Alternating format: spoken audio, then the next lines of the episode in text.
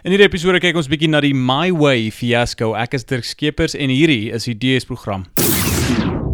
En julle sal agterkom wat ek hierdie episode doen 'n paar dae nadat die stof gaan lê. Ek dink dit is belangrik sodra daar iets gebeur om nie dadelik met jou emosies in te gaan nie en dit bietjie na te kyk en die ander kant van die storie te gaan bekyk voordat jy daarop kritiek lewer. En vir die van julle daar buite wat dink, "Waarvan praat hierdie ou? Hierso is wat gebeur het in 'n netedop." Oor die naweek het 'n persoon met die naam Renay Otto, hy's natuurlik die uitvoerende hoof van My Way Versekering, hy het getweet oor die nuwe boek, die Bird Island boek wat uitgekom het waarin onder andere Magnus Malan in 'n pedofielring betrokke was. Of so hou die boek voor. Ons is nog nie heeltemal seker oor die feite in die saak nie. Dit is nou heeltemal 'n ander episode wat ons daaroor kan doen, maar die boek het hom so vasgegryp dat hy daaroor getweet het. En in sy tweet sê hy daar dat daar baie lesse te leer is, maar hy het toe die fout gemaak om te sê die lesse is veral belangrik vir Afrikaners wat dink hulle is God se verkose mense.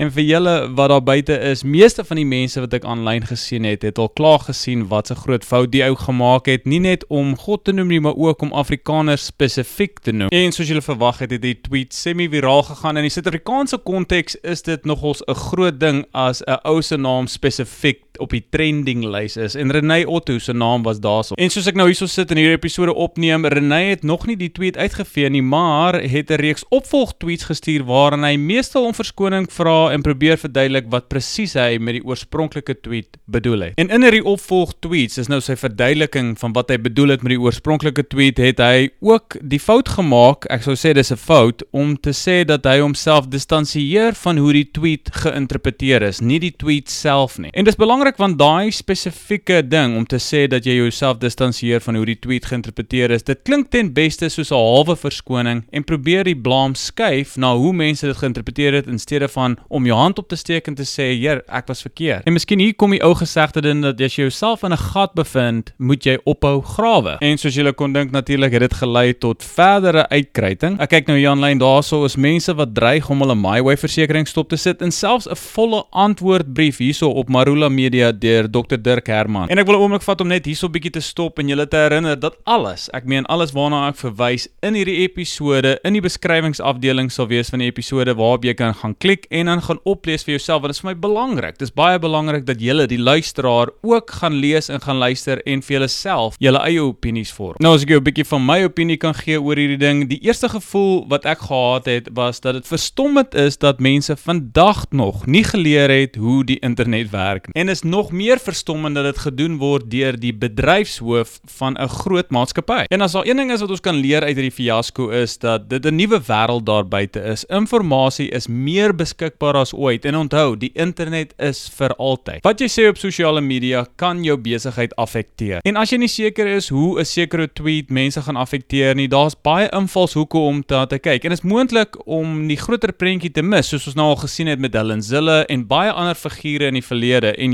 hedendaags ook Donald Trump. Ek sou voorhou daar is 'n goeie en gulde besigheidsgeleentheid hierso om vir mense wat nie weet wat hulle altyd besig is om te doen nie en wil tweet net om 'n konsultant te wees vir hulle om te sê luister, gee vir my jou tweet dat ek dit net oorlees. Die minste wat ek sal doen is seker om spelfoute reg te maak en seker te maak dat dit al die invalshoeke na gekyk word. Hel as ek nou daaraan dink, dis eintlik 'n baie goeie besigheidsidee. Miskien moet ek dit uit hierdie episode uit uitvee. Maar hoeveel keer het ons nie al vir Donald Trump sien tweet en net die feit dat dit 'n spelfout bevat of iets bevat wat heeltemal nie vir my lekker sin maak nie. Ek meen dit krap my verskrik. So nog 'n goue reël wat ons jy trek as jy nie my dienste as konsultant kan bekostig is nie, is moet dood eenvoudig net nie tweet nie. Hou jou vingers van die sleutelbord af. Veral meneer Renay Otto as jou emosies hoogloop nadat jy 'n pedofiel storie wat ons nie weet of waar is of nie onwaar is nie gelees het en jou skielik laat neersien op Afrikaners. En van die kommentare aanlyn hierso is dat dit mode geraak het om Afrikaners spesifiek aan te val, maar daar is 'n groot gevoel onder meestal Afrikaners dat dit hulle raak gatvol om slaansakke te wees. Maar die ding wat ek wel kan saamstem is dat daar nog ons baie te leer is uit hierdie nuwe wêreld waar ons in woon. En nou wil ek hoor van jou, my luisteraar. Ek gooi die vraag terug aan jou. Wat dink jy van hierdie hele fiasco? Is die kritiek wat gelewer is verdien